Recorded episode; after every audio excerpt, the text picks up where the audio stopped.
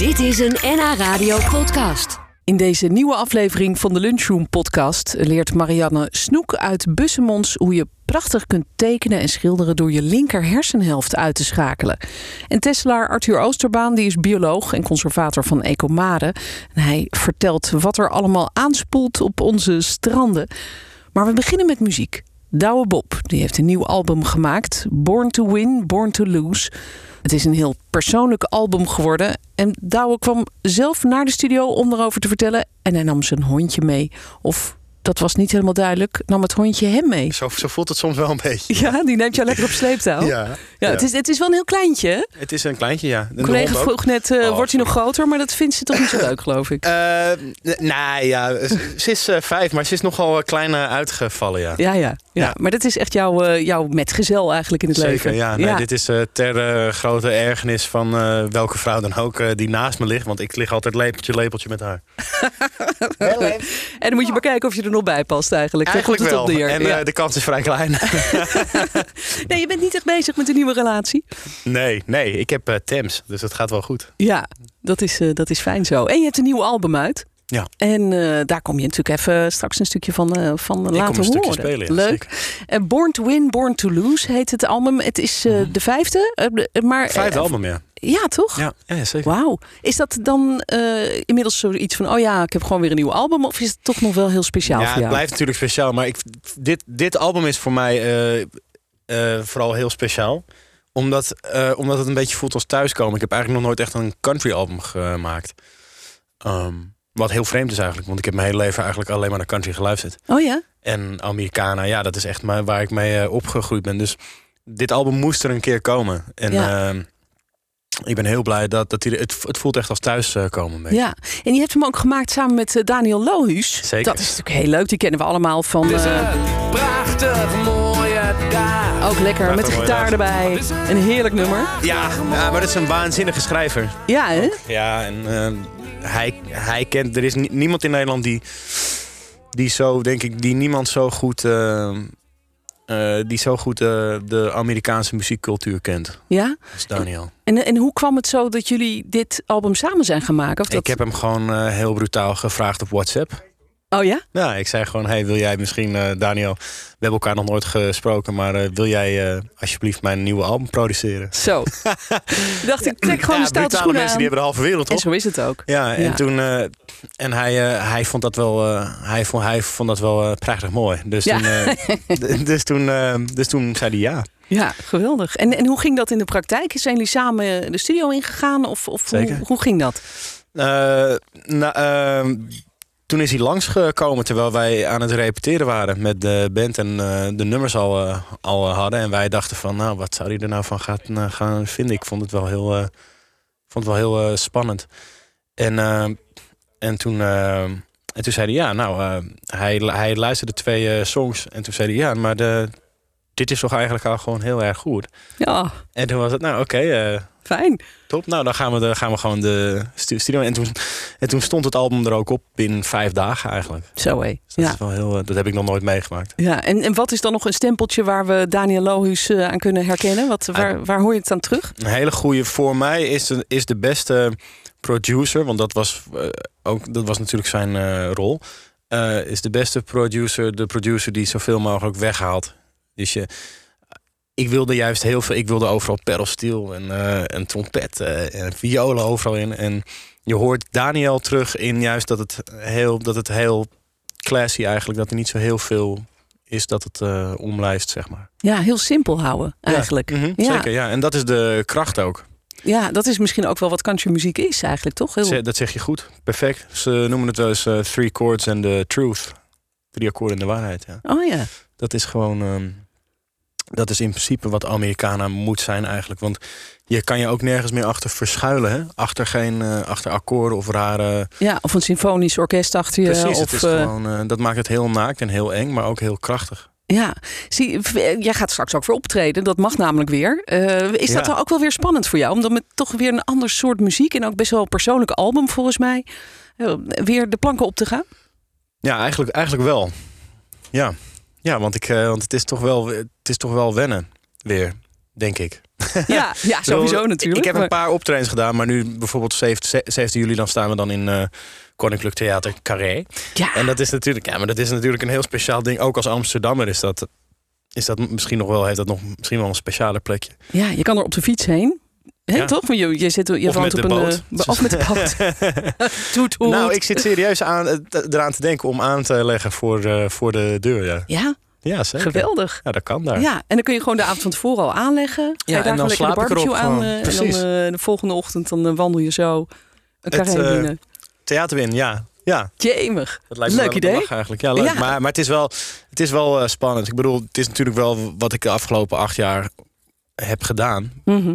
Nou ja, zeven jaar eigenlijk, want we hebben nu een jaar niet gespeeld. Ehm, maar het is wel, ik vind het wel, ik vind het wel spannend, ja. Ja, zeker. Hoe, hoe was dat jaar voor jou eigenlijk? Je hebt wel een nieuw album, dus je bent wel toch op de een of andere manier lekker met muziek bezig Ik geweest. heb, de, ik heb de verveling heel lang weten uitstellen, ja. Eh tenminste, ja, eigenlijk eh, wel. Ik heb, me, ik heb me best wel flink vermaakt, maar op een gegeven moment ben ik, was, ik, was ook, ook ik de lul.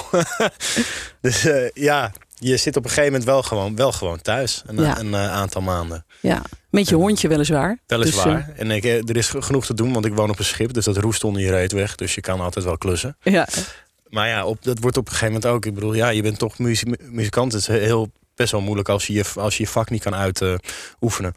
dat gezegd te hebben, denk ik. Ik bedoel, ik heb zeven jaar lang eh, keihard geknald. En eh, ik heb ze wel gewoon. Ik heb, eh, ik heb lekker verdiend. En ben ik heel dankbaar voor. Voor wat ik de- deze zeven jaar al mee heb mogen, mogen maken. Mijn hart bloed vooral voor de. Ja, voor de. Voor de voor de kleine ondernemers en zo. En de, en de horeca die gewoon met eh, bosjes vallen. Ja. Dat is wel heel, heel heavy. Als, je, als je dat leest, dan is, je, dan is mijn eh, onge- ongeluk wel te relativeren, zeg maar. Ja. Hey, weet je wat we gaan doen? Jij gaat gewoon live spelen, want je, je, je ging een liedje voor ons doen. Er staat eh, al van alles voor je klaar. Dus ik zou zeggen, ga daar lekker heen. Is goed. En dan gaan we nummer. Wat, wat gaan we horen eigenlijk van jou nu? Was It Just Me? Dat is de vorige single. Oké. En het gaat ook over mijn schip ook. Ga ik wat doen, hè?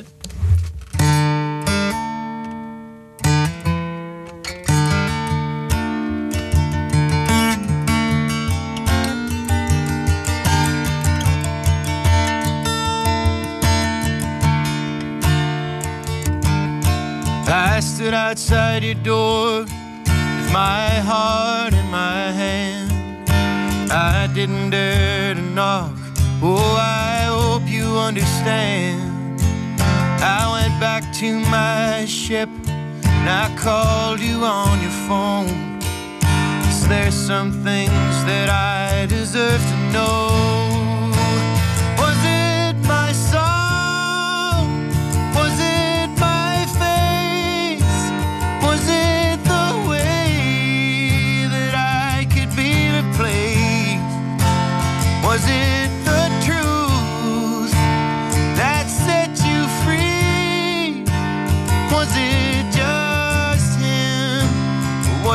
Just me? Was it just me?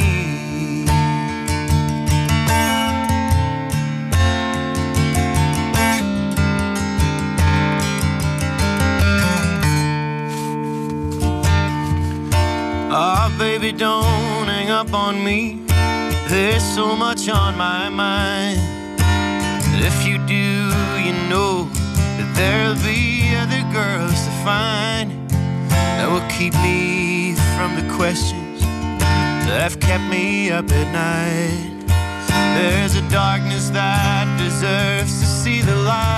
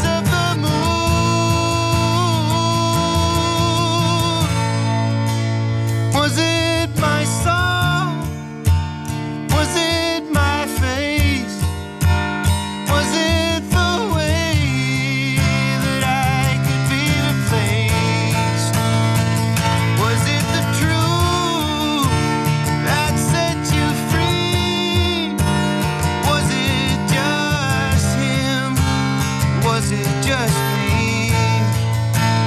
Was it just me?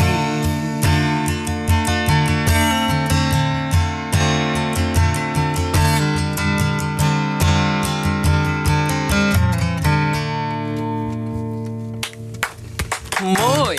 Dankjewel. Heel mooi. Dankjewel, Douwe. Ja, gitaar weer weg. Ja. Waar is intussen je hond gebleven? Die ligt lekker lang die uit. ligt lekker. Is die er altijd bij ook als je je muziek maakt? Zeker. Ja? Ja, ze is er heel erg aan gewend. Aha. Ze is ook mijn grootste cri- criticus, hè?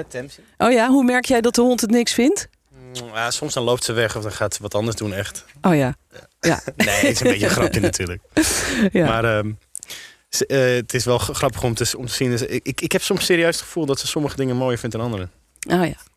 Ja. Dat, eh, waar zie je dat aan? Dan gaat het kopje scheef of... eh, Ja, soms dan wil ze dat ik stop. En dan gaat ze bij me op schoot en dan, wil ze, en dan, en dan duwt ze de gitaar weg. Oh, echt? Ja, dan denkt ze zo van, eh, nu, nu, nu ben ik. Ja. Oh, wat grappig. schattig. Ja, ja. Nou, jullie zijn echt een soort twee-eenheid, dus ook op Ja. muzikaal gebied. Wat mooi. Ja, zeker. Ja. En dat eh, nieuwe album eh, is, is voor jou dus voor het eerst een echt een country album. Je zei net, ik ben daarmee groot geworden. Ja. Eh, was dat ook al van, van jongs af aan dat je dacht, ik wil ooit dat soort muziek maken? Ja, ooit. Ja, ik bedoel, dat is wat ik eigenlijk dan ook gelijk ging, ging, ging doen. Want ik, ik begon met piano spelen op mijn zesde. Ehm, en dan vooral blues en boogie woogie en jazz, vooral lichte muziek. Dus eh, ik groeide op met, ehm, nou, met die soort van eh, heel veel rock and roll en eh, boogie woogie, heel veel Jer Jerry Lewis. En, eh, Oh ja, ja. En jouw vader dingen. dat ook in de muziek? Ja. Ja, Ook, dus, ja.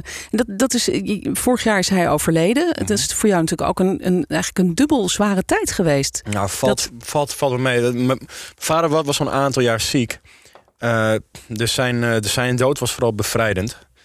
Ehm, maar ik ben, eh, ik ben, eh, ik ben in, eh, in hetzelfde twee, twee maanden daarna ben ik mijn beste vriend verloren, Stefano Prinsen.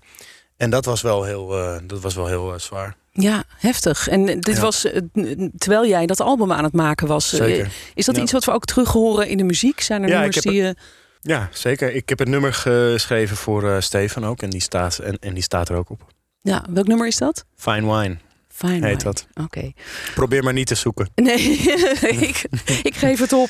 Nee, nee, maar dat is, dat is een, een, een, een, een heftig nummer. Je hebt ook het eh, nog een nou, nee, het is best wel, een- best wel, een- best wel een troostend nu, eh, lied eigenlijk. Ja, Er zijn eigenlijk, eigenlijk staat er bijna geen hele heftige... Behalve het nummer dat ik net eh speelde. is een beetje een vreemde eend, eend in de bijt. Want voor de rest is het eigenlijk eh, vrij, eh, vrij troostend. En, eh, Ja. Het is eigenlijk het positiefste album, gek genoeg, dat ik heb, ge- heb gemaakt. ja, en dat juist in deze tijd. Dat zou je Ja. misschien inderdaad niet verwachten. Ja. Wellicht, ja. Ja, en nu gaat het gewone leven weer een beetje beginnen. Ga jij weer lekker optreden? We gaan het Eh, zien, hè? Ja, nou, daar gaan we vanuit, toch? Ja, Ja, tuurlijk. laten we dat Nee, doen. ja, je ziet nu wel een beetje licht aan het einde van de, van de tunnel. Hè? Ja. Dus dat, is, dat is wel tof. Zeker, ja. Jij weer theater in. Eerst dus eh, even in Carré. Dat, we, dat wordt bijzonder met je boot voor de deur. Ik ga dat wel doen, denk ik. Ja, Ja, ik vind het wel een goed plan. ja leuk. Nou, fijn dat je hier was. En, Heel erg eh, bedankt dat ik er mocht, mocht zijn. ja, en dat je voor ons gespeeld hebt. Douwe op. Als jij ook altijd de droom hebt gehad om goed te kunnen tekenen en schilderen, dan moet je even blijven luisteren. Na drie schildercursussen zakte bij mij persoonlijk de moed wat in de schoenen. Want het lukte mij maar niet om een keer een portret of een stilleven te schilderen. dat ook maar een beetje leek op de werkelijkheid. Toen ik dat een keer vertelde op de radio, kreeg ik een appje van Marianne Snoek uit Bussum. Zij dacht me wel te kunnen helpen, want zij leert haar cursisten om te tekenen en te schilderen zonder je linker hersenhelft te gebruiken. En ze schreef er ook een boek over. En dat allemaal voor iemand die pas laat begon met tekenen en schilderen. Ik eh, kwam eigenlijk eh, per ongeluk bij het tekenen terecht. Ik zou een eh, opleiding gaan doen als modeontwerpster. En ik was al 41, 42. Ik had dus eigenlijk nog nooit getekend. Ook geen, niet uit een, een milieu waar je tekent. Maar ik dacht voor die modeopleiding... dan is het wel goed om van tevoren een beetje te gaan tekenen. Ja, En zo kwam ik eigenlijk bij het tekenen terecht. ja, maar je wist helemaal niet hoe, want je had Nee. nooit getekend. Nee, ik ging dus naar de bibliotheek en ik dacht, nou, eh, ik zoek een boek van leren tekenen. Dus ik kwam Ja. het boek eh, van Betty Edwards, Leer tekenen, kwam ik tegen op de schappen van de bibliotheek. En dat nam ik mee naar huis. En zo ben ik begonnen. Ja, en, en, hoe was dat? Dan, dan ben je eh, ja, Ja, opeens op je 42ste aan het tekenen. ja, ja. Ja. Was dat voor jou een soort moment, een soort openbaring van... ah, dit is het? Ja, ik ging dus die oefeningen van Betty Edwards doen uit het boek Leer tekenen. En eh, dat kun je dan stap voor stap doen. En ik had echt een totaal gevoel van thuiskomen. Dat ik dacht van ja, maar hier hoor ik. Dit is, dit is wat ik ben.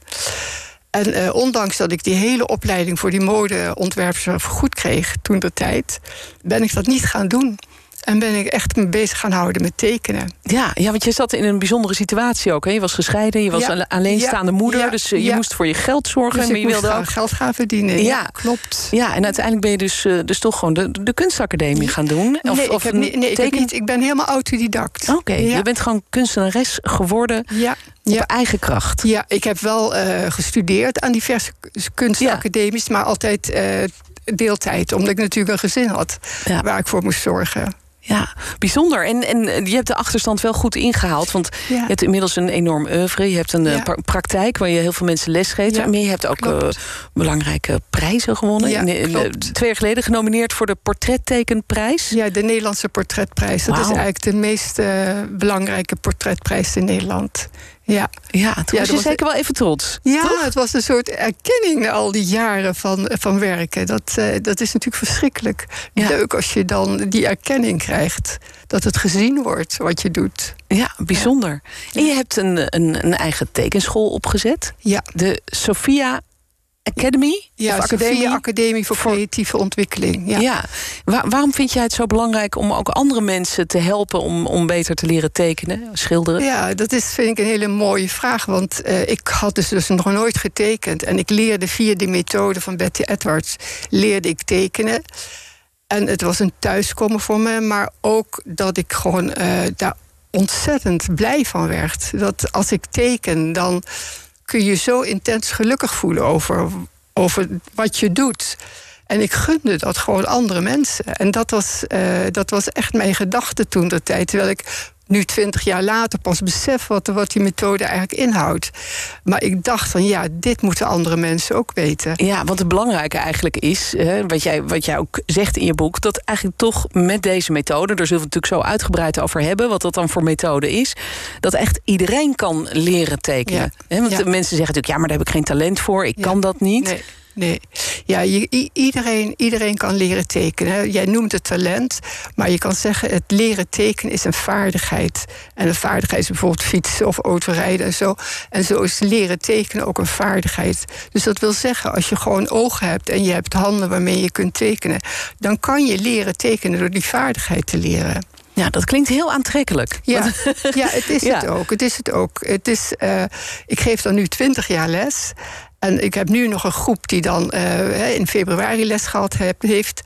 En je ziet mensen gewoon helemaal opbloeien. Het, het blijft gewoon heel bijzonder. Ja. Echt, dat Ja. is zo. Ja. Het is ook iets wat, denk ik, in de coronatijd... er zijn veel meer mensen, hè, die zaten meer thuis... eh, Ja. hebben allerlei hobby's ontdekt. Ik denk dat heel veel meer mensen ook zijn gaan tekenen en schilderen. zou heel goed kunnen goed creatief uiten. En dan Ja. is natuurlijk heel frustrerend als het niet lukt voor je gevoel. Dat je denkt, ik kan het niet en het lijkt nergens op. Ehm, en die methode die jij eh, gebruikt, die je in dit boek ook beschrijft... Eh, die leert ons eigenlijk, dat is heel interessant, om te tekenen met het rechterbrein. Ja. Eh, nou, hoe, hoe je dat precies doet in de praktijk, met wat voor soort oefeningen, dat, dat horen we zo. Maar, Ja. maar waarom is dat belangrijk om, de- om dan te tekenen vanuit de rechterkant van je hersenen Ja. en dan die linkerhelft uit te schakelen?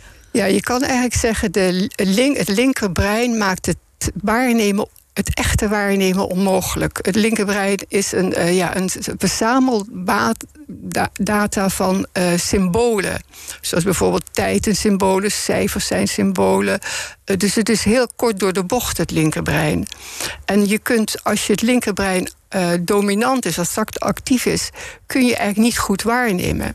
Nee, want, want als je bijvoorbeeld, je, je vertelde mij eerder al eens dat, stel dat je zegt tegen iemand teken een oog, dan hebben we allemaal een beeld van hoe dat oog er ongeveer ja, ja, uitziet. precies. Ja, dat is dan het symbool oog. Dat, dat Ja. ontwikkelt zich in je kindertijd. Dan heb je die symbolen dat je tekent. Het handje met het vorkje, hè, zo dat soort ideeën. Ja. En die blijven eigenlijk actief in dat linkerbrein. Want die liggen daarin opgeslagen. ja, dus als jij dan een keer echt moet gaan kijken, dan is dat best lastig. Ja. Want die linker hersenhelft die zegt eigenlijk, ja, maar je, je- dat oog, weet je toch hoe dat daar heb eruit ik al ziet? een symbool voor. En voor het Ja. linkerbrein moet alles heel snel gaan. Dus heel snel even een, een, een, een woord benoemen, het oog, en dan het hop symbool door. erbij. Ja, goed. Nou, dat is dus het belang eh, van waarom je moet proberen die linker hersenhelft uit te schakelen. Nou ja, wat je En- kan zeggen, eh, Patricia, is dat door de oefeningen in het boek, door de methode, want het is heel methodisch, is het zo dat het linkerbrein in ruststand gaat. ja, je schakelt het niet helemaal uit nee, natuurlijk. het gaat in een soort ruststand en dan mag even pauzeren. kan de taak overgenomen worden door het rechterbrein. En die kan alles zien. Ja. ziet alles. Dan ga je dus leren echt waar te nemen. Die gaat hoe, leren dat, echt waar te nemen, ja. hoe dat precies in zijn werk gaat en met wat voor oefeningen dat gebeurt, dat eh, horen we zo dadelijk. Tekenen met je rechterbrein kun je leren. En eh, daarin staan allemaal oefeningen. Waarmee we onze linker hersenhelft even in de pauzestand kunnen zetten. En dat is belangrijk, want Ja. juist met die rechter hersenhelft kunnen we beter waarnemen. Echt zien wat, we, Ja. eh, wat er is. En daardoor ga je beter tekenen. Ja. Ja, leuk. Laten we even kijken naar wat praktische oefeningen die er dan in staan. eh, die je mij ook al eens hebt uitgelegd. Eh, bijvoorbeeld een oefening waarbij je tien minuten lang iets tekent. Je pakt een object in je hand. En dat kan van alles zijn. Een veertje of een steen of een schelp. En die ga je tekenen, maar je mag niet op papier kijken. Ja, ja je gaat, het, bestaat eruit dat je afgewend van je papier zit. En dat je, het is in het begin, en dat je in een heel langzaam tempo, millimeter voor millimeter, met je ogen langs de lijnen gaat van wat je aan het tekenen bent.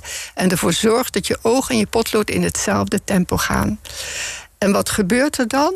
Je kan zeggen, onze linkerkant is onze controlekant. Het linkerbrein is de controlekant. Dus op het moment dat je afgewend zit en je kan niet op je papier kijken, kan het linkerbrein zich daar niet mee bemoeien. Die gaat dus in ruststand. Want Ja. op een gegeven moment denkt hij, ja, ik heb hier niks te doen, dus waarom zou ik nog actief zijn? En dan krijgt eigenlijk de rechterbrein de kans. En wat er tijdens die oefening gebeurt, dat heet het blindelings contourtekenen. Daar gaan mensen opeens ontdekken dat ze ongelooflijk veel zien. Als je bijvoorbeeld een bloemblaadje zo gaat doen, wat in de les gebeurt, dan gaan ze in het langzame tempo langs die lijnen. En waar ze eerst dachten, oh, dat is een bloemblaadje, dat is links als het ware, zien ze opeens alle kleine details die er in dat, in dat, in dat eh, bloemblaadje te zien zijn. En gaat er eigenlijk letterlijk een wereld voor hen open. Ja, bijzonder is Ja, dat. het is, Ja. en je ziet ook aan mensen als ze dat voor het eerst doen, dat ze helemaal opgewonden raken van, van, van, Van alles wat je ziet. Is dit wat er dus te zien is eigenlijk? Ja, heel speciaal. Een andere oefening is ook dat je een bekende tekening van Picasso, is het geloof ik, Ja. op je kop Ja, tekent. Ja. eh, natekent eigenlijk. Hè? Gewoon, je tekent wat je ziet. Dan mag Ja. je wel gewoon op je papiertje kijken. Ja. Waar is dat dan goed voor? Nou, kijk, dat is een van de allereerste oefeningen die we doen. En heel veel mensen die denken dat ze niet kunnen tekenen. Op het moment dat de tekening, de afbeelding omgedraaid wordt, wordt wat in dit geval een man in een stoel, worden eigenlijk gewoon lijntjes. Dus je, ook dan zet je het linkerbrein in ruststand. Want die Ja, ja. bemoeit zich niet meer van dat is een broek, dat zijn handen. Maar wat dan eerst hè, een broek en handen waren, worden alleen maar lijntjes die je één voor één, één voor één kopieert. En daar doe je dan ongeveer een uur over. Maar als je het dan omdraait en je ziet dat je zo'n ingewikkelde tekening hebt kunnen maken, terwijl je dacht dat je niet kon tekenen, dat is vaak al een eerste openbaring. Ja. Waarbij er een scheur komt in dat idee van ja, maar ik kan niet Ik tekenen. kan het niet. Ja, wat grappig hè. Want eigenlijk als jouw linker hersenhelft meedoet... eh, dan, dan zou die allemaal dingen gaan invullen en aanvullen... Precies, waarvan ja. het de, die hersenhelft denkt van ja. zo hoort het te zijn. ja. Terwijl als je het echt gewoon eh, lijntje voor lijntje natekent... dan lukt het. Ja, Ik je vind zegt al, dan denkt het, het linkerbrein denkt van alles. Hè, en wat je ziet is vaak wat anders. En als je kunt, dat waarnemen kunt doen, dan kan iedereen, hè, ook iemand die dacht dat hij echt niet kon tekenen, kan zoiets tekenen, zo'n ingewikkelde tekening, zolang die op zijn kop ligt. Ja, mooi. Ga Ja. je door deze methode ook anders naar de wereld kijken eigenlijk? Ja, absoluut. Absoluut. Als je dit vaak genoeg doet? Ja, absoluut. Wat ik hoor, van- en het is ook logisch, want naar mijn idee, en dat is een soort bescheidenheid, omdat ik geen wetenschapper ben, maar wel twintig jaar ervaring. Naar mijn idee ontwikkel je met deze tekenmethode letterlijk je rechterbrein. Dus een letterlijke ontwikkeling van die kant. En het is in ons rechterbrein dat ons creatieve vermogen zit. Er is ook eh, je verbinding met anders. Een leerling zei wel eens tegen mij. Als ik nu naar mijn lastige moeder kijk, kijk ik anders naar haar. Ik ga anders met haar om. Hmm. Het komt omdat er een, ja, een soort ander soort, eh, ik noem het dan toch een beetje ander soort intelligentie eh, gevoed wordt. Wauw. En We krijgen nog tot slot een vraag van een luisteraar. Als je linkshandig bent, maakt dat dan een verschil voor deze methode? Want ik kan me voorstellen dat, die, dat hun brein net Ja. anders Ja. werkt. Ja, dat is een hele interessante vraag. Eh, eh, in die zin eh, denk ik niet dat het verschil maakt. Eh, wat mijn onderzoekers hebben eh, ontdekt is dat als je moeder linkshandig bent, dan zitten jouw breindelen omgekeerd. Ja? Dus er zit wat bij ons rechts zit, zit bij die mensen eh, links. Maar wat je vaak wel ziet, is dat linkshandige mensen wel een vorm van creativiteit hebben Ja, ja. ja. omdat eh, de hersenen en handen zijn kruiselings verbonden. Dus doordat ze voortdurend met hun linkerkant eigenlijk hun rechter hersenhelft activeren, hebben die mensen vaak wel een soort extra creatieve. Eh, ja, hoe zeg je dat? Iets. Je hoorde Marianne Snoek uit Bussum. En wil je het ook proberen, dan kun je haar vinden via haar website leertekenen.nl. Als er weer eens een bijzondere zeekomkommer is aangespoeld, of een orkabot of een maamvis, dan bel ik altijd even met Arthur Oosterbaam van Ecomare. Normaal zit hij op Texel, maar hij pakte de boot en de trein en kwam naar Amsterdam om ons bij te praten over wat er het afgelopen jaar eigenlijk allemaal voor bijzondere dieren en dingen zijn gevonden en waargenomen op onze stranden. En wat blijkt? Ik ben niet de enige met vragen. Ja, eh, we krijgen heel veel vragen binnen, ook over de zeehondenopvang en dat soort dingen. Maar de vragen die over vondsten gaan, die komen altijd bij eh, mijn collega en mijzelf eh, terecht. En normaal, in een normaal jaar zijn dat er ongeveer 350. Vorig jaar, toen de corona begon, was het al bijna 500. En nu zitten we op 686. Dus het is eh, bijna een verdubbeling van het aantal vragen dat binnenkomt. En, en denk je dat dat ook door corona komt? Het begon toen de corona uitbrak. Ja? Eh, echt, en ook meteen. Eh, en ook bij andere verzamelpunten van waarnemingen, veldbiologische waarnemingen, zie je precies hetzelfde. Oh. Ook bij mijn collega's van andere musea, ook bij waarneming.nl en eh, ja, overal zie je hetzelfde van eh, enorm veel meer mensen die eh, nou, eigenlijk hun eigen omgeving leren kennen, wordt daar op letten en dingen vinden die ze niet kennen. En, Ja. en dan gaan ze zoeken naar een antwoord. Ja. En dan komen ze dus ook voor strandfondsen komen ze bij ons terecht. Ja, ja. En wat voor soort dingen krijgen jullie dan binnen? Wat voor, voor vragen Nou ja, zijn het vooral? Van alles, heel veel botten. Ja. Heel veel botten. Maar ook allerlei zeedieren. Eh, en eh, ja, dit jaar is voor mij het jaar van de zeepaardjes. Eh, normaal vind je er, nou, hebben we twee keer per jaar een melding van een zeepaardje. Door, over heel Nederland overigens. En nu hadden we er tientallen alleen al op Texel. Ja, hoe kan dat dan? Is, Ja. is dat dan omdat mensen meer gezien hebben, omdat ze meer de natuur in zijn gegaan? Of, of zijn er ook echt meer Dat zeepaardjes? effect heb je natuurlijk ook. Maar wat ook zo is, eh, er waren gewoon heel veel zeepaardjes. En dat komt, er was, eh, dit jaar is het ook, ook het jaar van het harig mosdiertje. En dat is een soort kolonievormend beestje dat eh, eh, op de zeebodem leeft. En het ziet eruit als wittige plukjes. Op het ogenblik liggen de stranden er vol mee. Het harige Het mosdiertje. harige mosdiertje. Oh. En, eh, en die zeepaardjes die leven tussen die kolonies van die harige mosdiertjes. En waarschijnlijk hebben ze daardoor een bijzonder goed jaar gehad. En eh, we vinden vooral eerstejaars, dat zijn echt kleintjes. Hoe, klein is klein dan? Nou, 1 centimeter, die 2? kleintjes, uh, me- centimeter of vier of zo Oh, toch wel, hooguit. ja. En die eh, grotere, die zijn dan eh 6 centimeter. En die zijn dan al eh, eh, volwassen en die kunnen zich alweer voortplanten. Ja, En eh, ja, en we hebben ze ook levend gehad. We hebben ze ook ik levend zeggen, in ja. Ecomare gehad. En we hebben ze ook weer uitgezet ook. Net alsof het een zeehondjes waren. eh. nou, en, eh, en wat dat is ook bijzonder was dat. Ja, ja. ja. Dat had hij niet eerder meegemaakt, toch? Nee, dat hadden wij nog niet meer eerder meegemaakt. En, eh, en ja, we waren er ook heel blij mee dat het een succes was. Want Ja. ja, ja eh, je moet dan ook echt zo'n beetje puzzelen van eh, hoe doe je dat. Ja, en wat nou, eten die beesten Ja, bijvoorbeeld? wat eten ze en welke temperatuur moet het water hebben? Want we konden ze pas vrij laat uitzetten, omdat eh, het water in de zee nog te koud was. Ja, omdat het natuurlijk ook zo laat eh, het Ja, voorjaar een beetje op het- gang het kwam. voorjaar eh, ja, kwam maar niet op gang. nee. Dus eh, ja, voor ons is het het jaar van de zeepaardjes. Ja, dat kan ik me helemaal voorstellen. Hoe, hoe was dat voor jou ook om daar die, die dan opeens bij Ecomare die zeepaardjes te zien in een bassin? Ja, het, het, zijn, eh, ja, het zijn vissen. Ze kunnen ook zwemmen. Maar ja, ze gaan niet echt heel hard. Het zijn echt hele gespecialiseerde Wonderlijke beestjes eigenlijk, ja, hè? En ze, ze hebben zo'n buisvormig bekje waarmee ze dus alsof het een, met een, die gebruiken ze als een soort rietje. En uh, nou, zuigen ze dan uh, zo op plankton. Hele Oh, ja. kleine beestjes mee op. En dat moesten we ze dus ook geven. Artemia, dat zijn pekelkreefjes.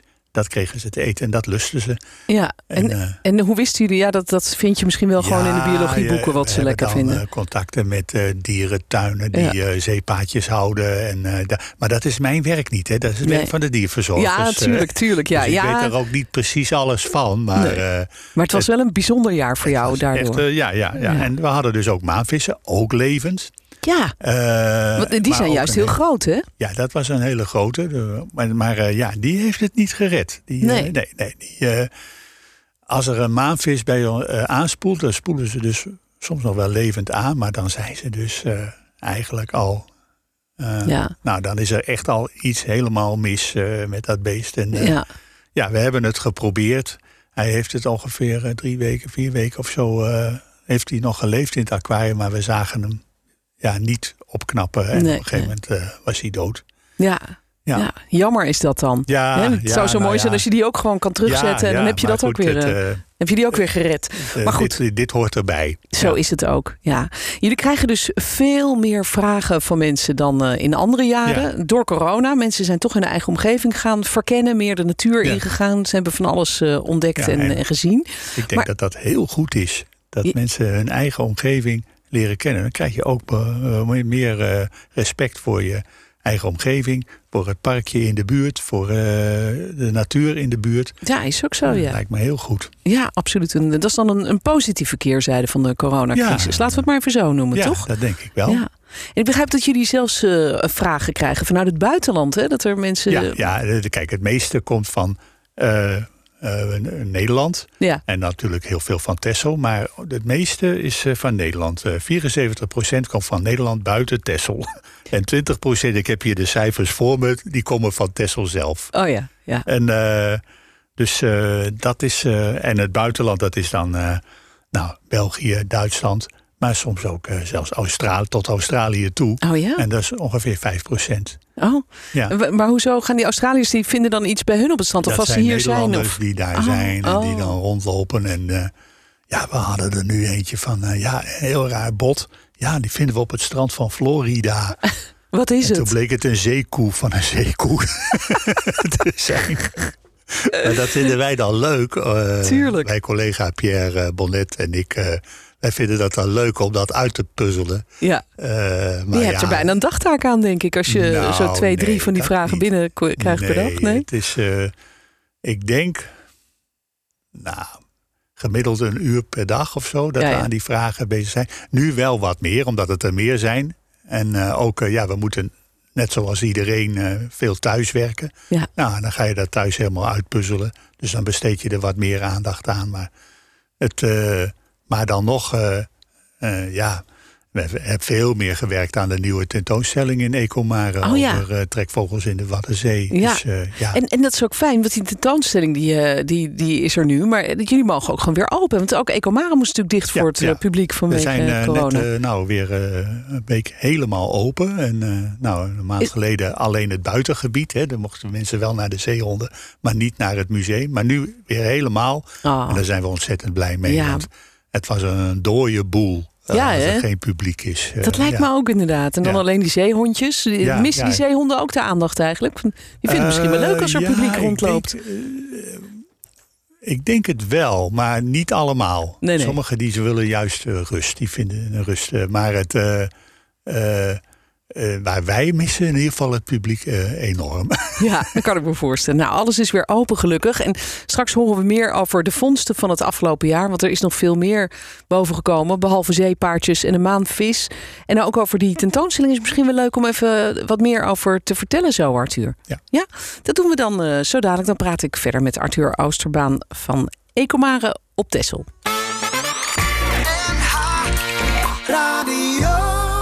Normaal bellen we elkaar altijd even, of althans wij bellen jou dan, Arthur. Als er weer iets gevonden is op het strand, iets bijzonders, waar je dan alles over kan vertellen. Maar nu ben je hier om ons te vertellen eigenlijk over het afgelopen jaar. Het, het was drukker dan anders, meer vondsten, meer meldingen. Het was het jaar van de zeepaardjes, vertelde je net. En natuurlijk het jaar van corona. Jullie waren lang dicht, maar zijn nu weer open met een nieuwe tentoonstelling. En wat is daar te zien? Nou, het is een tentoonstelling die heet uh, Weg van de Waddenzee. En dat gaat over trekvogels. Er komen heel veel trekvogels uh, in de Waddenzee elk jaar voorbij. En die gaan ook weer weg. En de vraag van de tentoonstelling is: waarom gaan ze in hemelsnaam weg? Ja, wie wilde nou weg van Tessel? en uh, nou, en, nou, dat is dan omdat ze dus broeden in het hoge noorden. daar hun voedsel voor hun jongen kunnen vinden.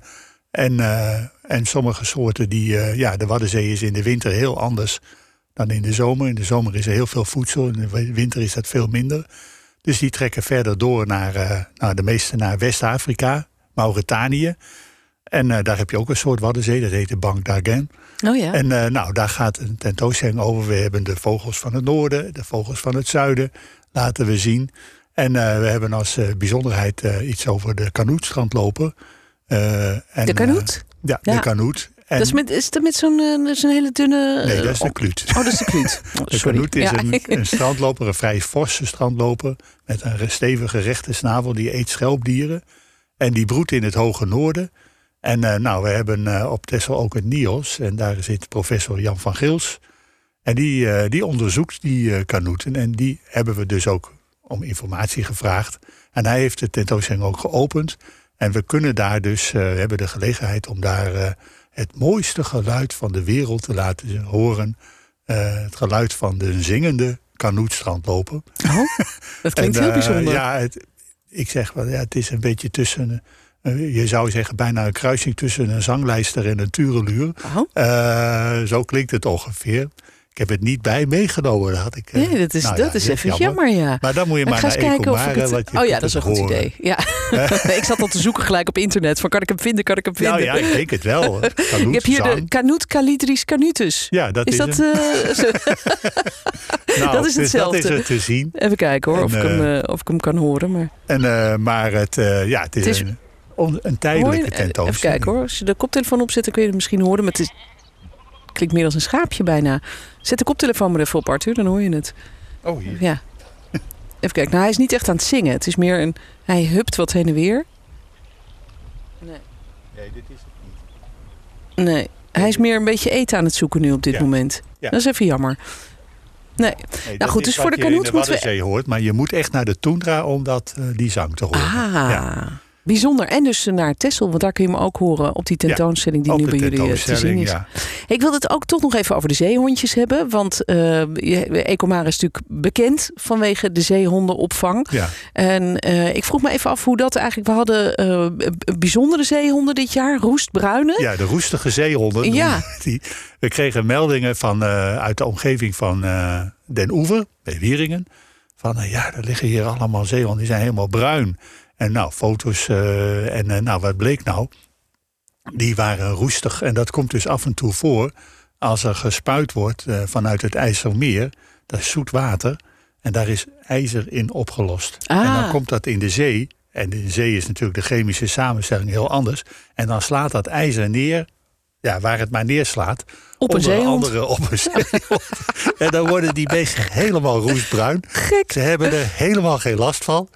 En uh, we hoefden dus ook niks te doen. Nee. Uh, maar wij vonden het wel grappig. Ja, uh, ja, ja en maar er was dus geen paniek nodig. Voor, ja. Het, ja. Maar ja, nu werd dat eventjes helemaal nieuws.